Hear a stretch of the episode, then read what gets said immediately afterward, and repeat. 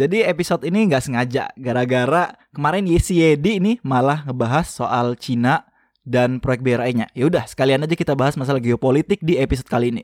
Gimana ceritanya tuh? Musik dulu yuk.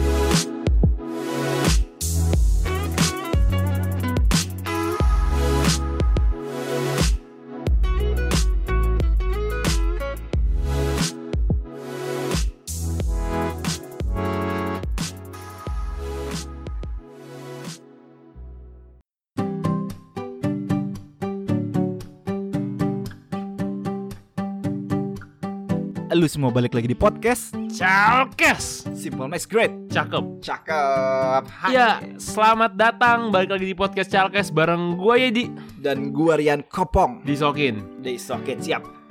Ada apa ya kali ini ya? Ini episode 20 ya Iya, Eh, kerasa ya. Kerasa sih PA Lama banget 20-nya. Nah Ini episode ini Kopong bilang sama gue mau bikin episode ini Gara-gara gue ngomong masalah Cina tuh ya dari yang bukunya Pramudia Tatur sampai yang proyek BRI-nya yang gue omongin sedikit sebenarnya sih kemarin di Iya. episode 19 ya. Jadi kayak spoiler-spoiler ciamik gitu. Cuman si Kampret minta dibikinin apa namanya minta dibikinin satu episode itu. Nah, Jadi kita jajal aja sekalian deh. iya, langsung aja deh kita buka. Tapi ini sainsnya nanti kita akan bahas mengenai geopolitik nih, alias kondisi geografik dan posisi menentukan prestasi. Asik. Lagi-lagi Lagi-lagi itu kayak ujian ya. Lagi-lagi ini kita bedah lagi. Nah, kita bedah Udah kayak guru bimbel. gimana Pong? Lu buka aja nih gimana nih? Nah, jadi Jadi ada apa sih sebenarnya di Cina nih? Kan gue kemarin ngomong sekaliber dua liber doang tuh. Hmm. Belum siogianya nih. iya. Jogja di sini dong. Iya. Oke, jadi kalau kata geologi nih, kita punya pepatah bahwa the present is the key to the past, and the past is the key to the future. Cakep banget dah. Sumpah Keren banget kalau orang awam denger. Oke. Cuma kalau gue denger biasa aja. Udah sering. Nah, jadi gini, Apaan tuh? Gimana tuh? kalau kita melihat sekarang Cina itu udah jadi negara yang maju ya, udah jadi negara yang adidaya lah dalam tanda kutip. Itu tidak terlepas dari sejarahnya Cina ya. Nah, Sejarahnya oh yang seperti gue bilangin kemarin. Ah. nah jadi lu yang lagi nyimak nih, kalau lu inget Cina mungkin lu akan mengingat juga sutra. Nah, kenapa sutra? Jadi kalau kita kembali ke abad 18, abad 17, 19 itu kita akan mengetahui bahwa Cina ini adalah bangsa yang senang sekali berdagang gitu ya. Itu nggak? Hmm, Eh, Sutra itu sebenarnya eh, temennya Putri. kok gitu? Putra maksudnya. Saya lu kelaba ini kebiasaan nih. Udah mulai serius dikasih tektok buset. Gimana lagi? Aduh. Jalur Sutra tadi tuh ya. Hmm, Sutra. jalur sutra. Nah, jadi kalau kita lihat di peta dunia ya, eh, kita tahu bahwa posisi Cina itu cukup strategis ya. Soalnya dia kita bisa bilang berada di tengah-tengah Asia gitu. Kita bisa tarik dari Indonesia sampai ke Rusia. Cina nih pas di tengah. Hmm, oke Hmm. oke. Ah. Nah, dan juga relatif dekat ke Eropa dan juga tinggal nyebrang nyampe Amerika nih ceritanya. Ibarat kata mah kalau ujian duduknya tengah nih. Iya di tengah. Depannya orang pinter, belakangnya pinter, kanannya pinter, kirinya nggak masuk. Nah. Ya. Lu ya. Nah terus eh, dari posisi geografisnya ini Hmm, kenapa tuh? ternyata Cina itu menyimpan suatu privilege atau suatu keuntungan gitu loh. Nah yang sudah dimanfaatkan dari zaman bahula nih. Apa itu jalur sutra? Nah kenapa disebut jalur sutra? Jadi ibarat kata nih zaman dulu orang Cina itu ngejual-ngejualin sutra, tapi jualnya bukan sembarangan. Mereka jualnya sampai ke luar negeri mereka, sampai mereka menjualnya itu salah satunya ke Eropa dan salah duanya ke Asia dan Timur Tengah gitu loh. Nah, jadi cara mereka mendistribusikan barang atau si kain sutranya itu adalah melalui jalur sutra tadi yang mana untuk ke Eropa mereka melalui jalur darat. Artinya mereka jalan tuh naik onta atau naik kuda gitu ya dari dari Buset. dataran Cina beneran. Nah, dari Asia sampai ke Eropa sono. Dan kalau yang mau ke Timur Tengah dan Afrika, mereka akan mengikuti jalur maritim. Jalur maritim. Jadi lu bayangin peta dunia dan mereka akan naik kapal nih dari Laut Cina Selatan ke Filipina, ke Malaysia, sampai ke Indonesia nih. Ke Jakarta biasanya ke apa sih? Batavia. Batavia. Batavia. Terus dia ke barat ngikutin Selat Melaka, Selat Malaka itu. Nah, baru mereka nanti ke India, nyambung-nyambung nanti ke Timur Tengah, ke Oh. Arab, ke semenanjung Arab Jadi- seperti itu. Rada rada, rada muter-muter juga nih sebenarnya. Iya, nah dari perjalanannya itu mereka eh, apa ya kan berdagang, tapi karena mereka pandai untuk apa ya mendistribusikan dan memanfaatkan privilege mereka yang berada di tengah, jadilah mereka yang negara maju sampai sekarang juga. Eh bukan rasis ya, tapi orang Cina tuh terkenal pandai, pintar berdagang gitu loh. Betul sekali. Dari zaman dulu karena mereka diuntungkan oleh posisi geografis yang memadai. Iya. Nah, itu seperti yang gue bilang eh, di episode sebelumnya, Pong. Hmm. Eh, Cina itu di abad eh, 19 yang di bukunya Pram terutama sih yang gue baca itu ya, gue inget sebenarnya sih eh, mereka setangguh itu gitu sampai Iya. masuk-masuk negara Asia Tenggara dengan jalur ilegal demi memperkenalkan Cina gitu. Iya, yang mana itu Eropa dulu kan. Eh, eh, yang dulu dikuasai Eropa gitu, Hindia Belanda, Indonesia gitu ya. Kita lihat sejarah seperti itu. Sama ini sekarang juga terjadi seperti ini nih. Emang, jadi Mm, dari zaman dulu Hmm. seperti yang dulu bilang nih Pong ya, mm, Cina udah punya namanya jalur sutra mm.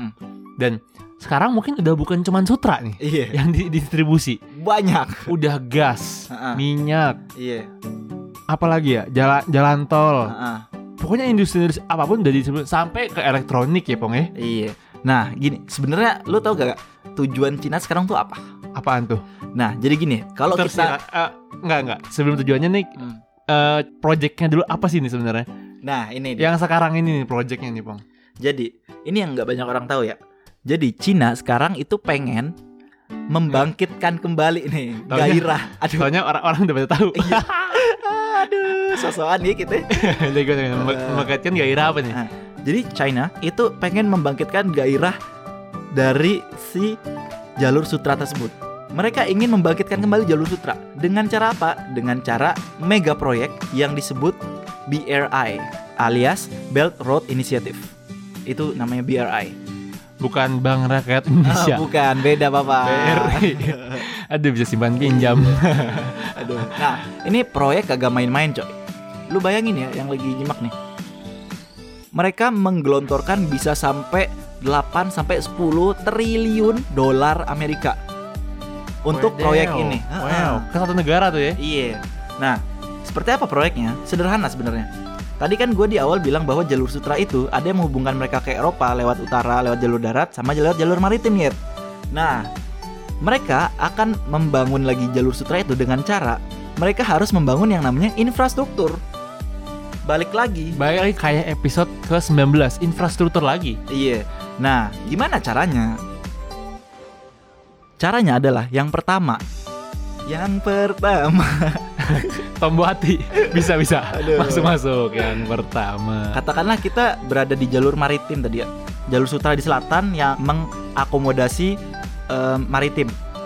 Jadi mereka akan membangun beberapa atau banyak sekali pelabuhan dan armada kapal sehingga arus distribusi yang berada di sebelah selatan tadi yang menghubungkan gue bilang lewat Laut Cina Selatan, Selat Melaka sampai ke India dan apa namanya Timur Tengah gitu.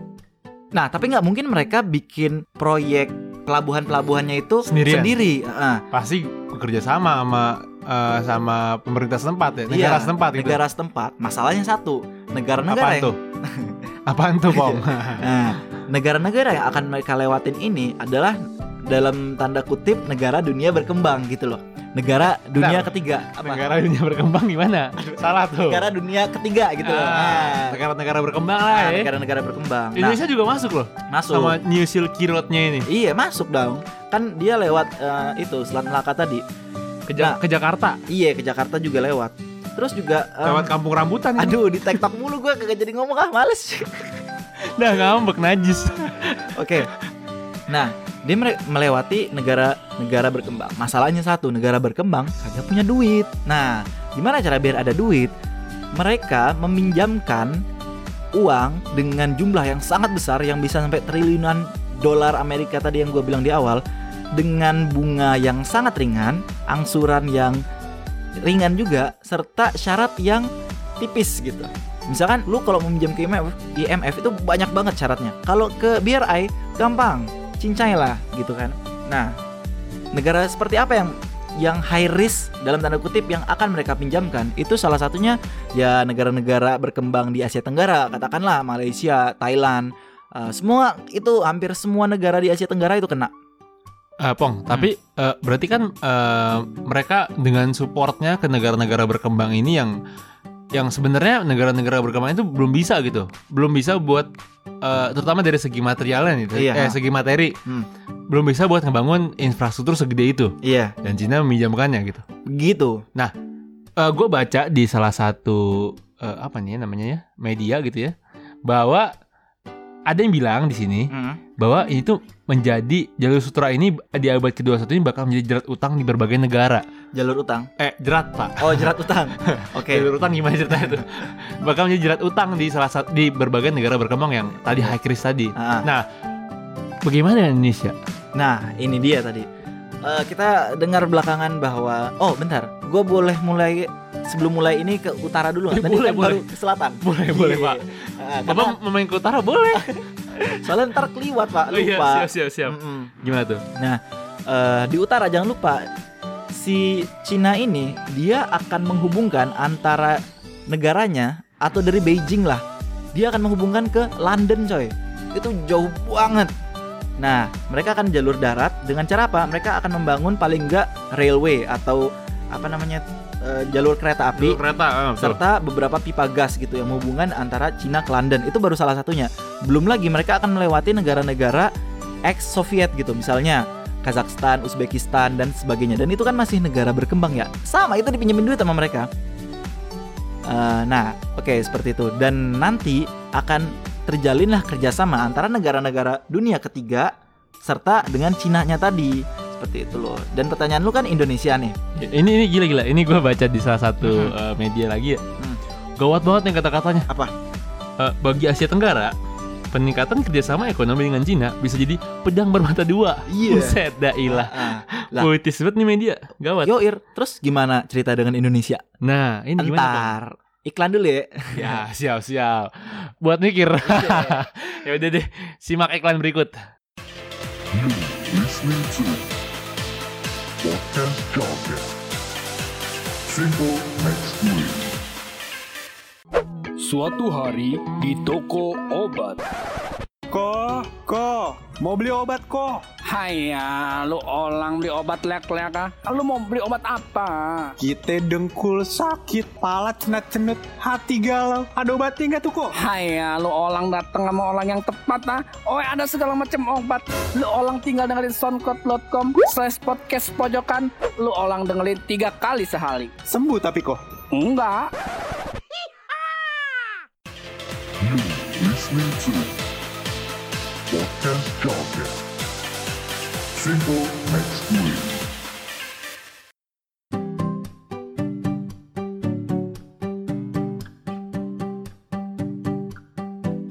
Iya, balik lagi di podcast Chalkes episode ke-20 yang bahas geopolitik Cina. Kopong, mari masuk. Oke, siap. Tadi kita sampai ke yang Indonesia. Pertanyaan gua. Ah, ah, Indonesia gimana nih? Indonesia apa kabar nih dengan Nah. pedang bermata dua yang Ini. sebenarnya bagus buat infrastruktur kita, tapi Mm. apa buat jangka panjangnya kita bakal mendapatkan memetik hasil yang sesuai dengan apa yang kita perbuat. Apakah worth it gitu kan? Apakah worth it lah intinya? Ah, ah.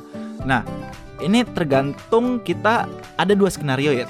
Kalau yang gue lihat, yang pertama adalah ketika kita bisa melunasi utang kita yang sangat besar ini dan ini juga mungkin kenapa pemerintah pada saat sekarang ini utangnya gede. Nah ini gara-gara ada BRI, ibarat kata ya gayung bersambut.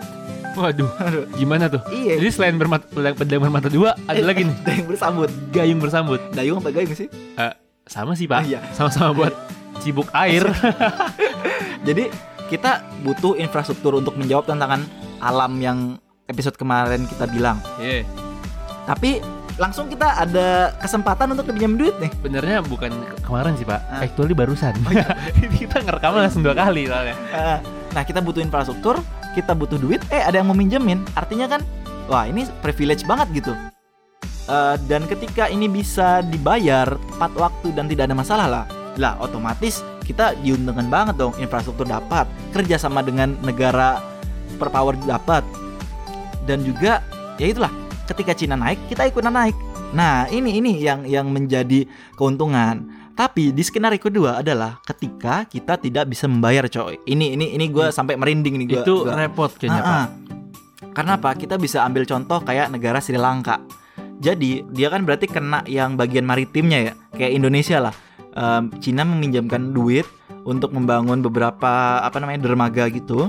Dan karena pemerintah Sri Lanka tidak bisa membayar, ada beberapa apa ya pelabuhan yang akhirnya operasionalnya diambil alih oleh Cina. Jadi eh, itu punya jadi intinya itu punya siapa tuh?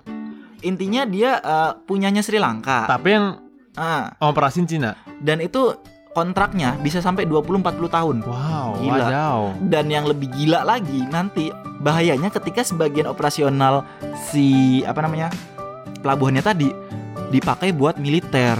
Wah kan ya haba nih. Tapi eh, maksudnya eh, sebenarnya fair sih maksud gua. Mhm. Karena mereka kan udah deal dengan perjanjian awal gitu ya. Iya. Bahwa ada sistem utang yang berlaku dan ah.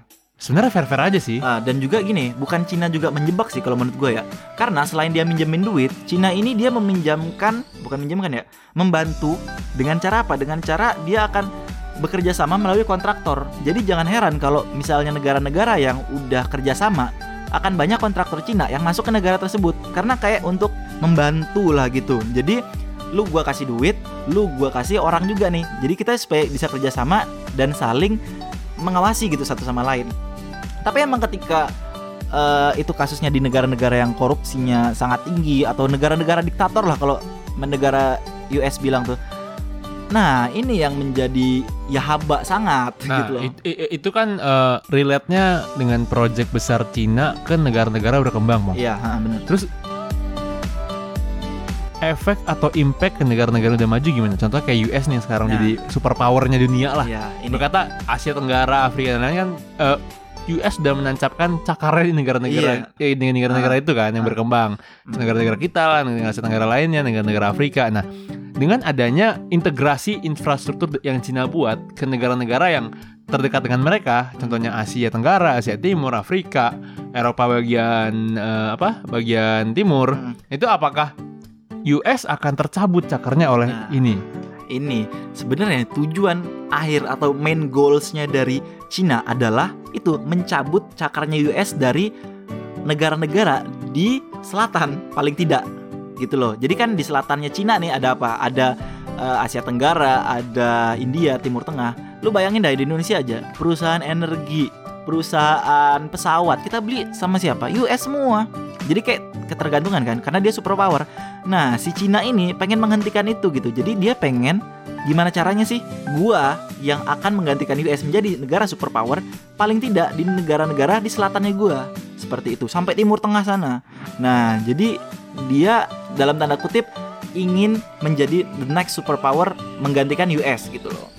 Oh, Mm-mm. jadi sebenarnya bagus untuk persaingan global dalam lingkup negara ya. Iya. Cuman eh, sebaik lagi semuanya harus dilakukan dengan matang-matang hati-hati menurut Ah, gua. ah, Eh, tadi seperti yang lo bilang bagus untuk infrastruktur negara-negara berkembang kayak Indonesia, ah. Iya, eh, Malaysia, terus Sri Lanka dan lain-lain. Tapi eh, kita sebagai pemuda gitu ya, sebagai pemuda ter- terutama di Indonesia yang infrastruktur lagi gencar-gencarnya, eh, gini-gini, kita memang dari latar belakang ilmu yang berbeda gitu. Iya. Tapi at least kita kita menurut gua harus memahami masa-masa kayak begini nih. Iya.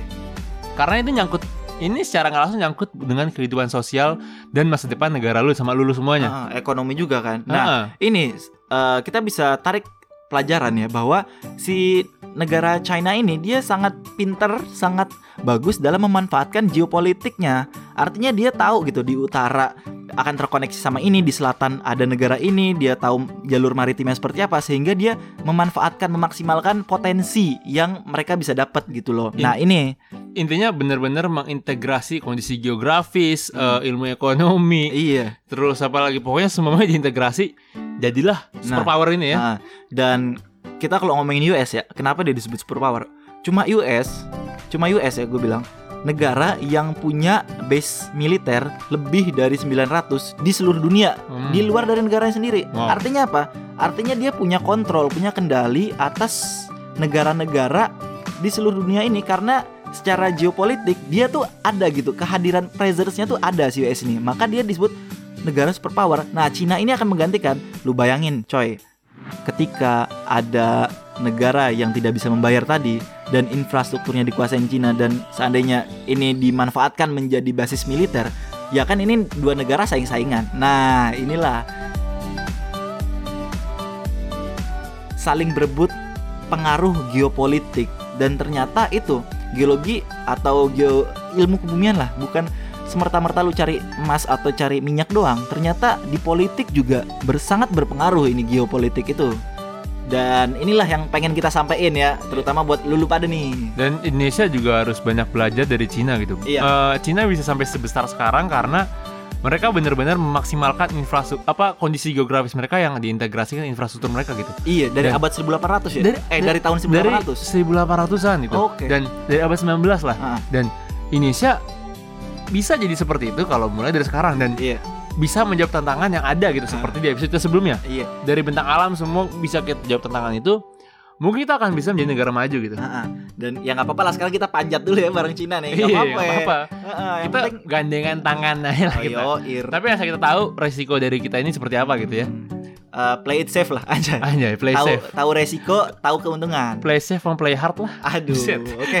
Kelas. Aduh, oke jangan lupa komen atau email kita ke chalkes@gmail.com dan Instagram kita di mana?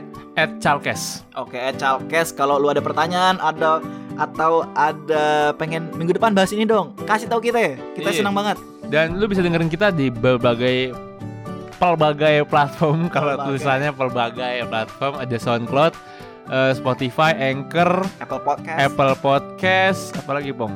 banyak. Cashbox, oh banyak dah pokoknya lu, lu, lu cari ya podcast Chalkes di Google. Jebret banyak tuh keluar semua. Iya, pokoknya ya episode ke-20 sampai sini aja. Gua kopong cabut. Gue Edi pamit. Bye. Assalamualaikum.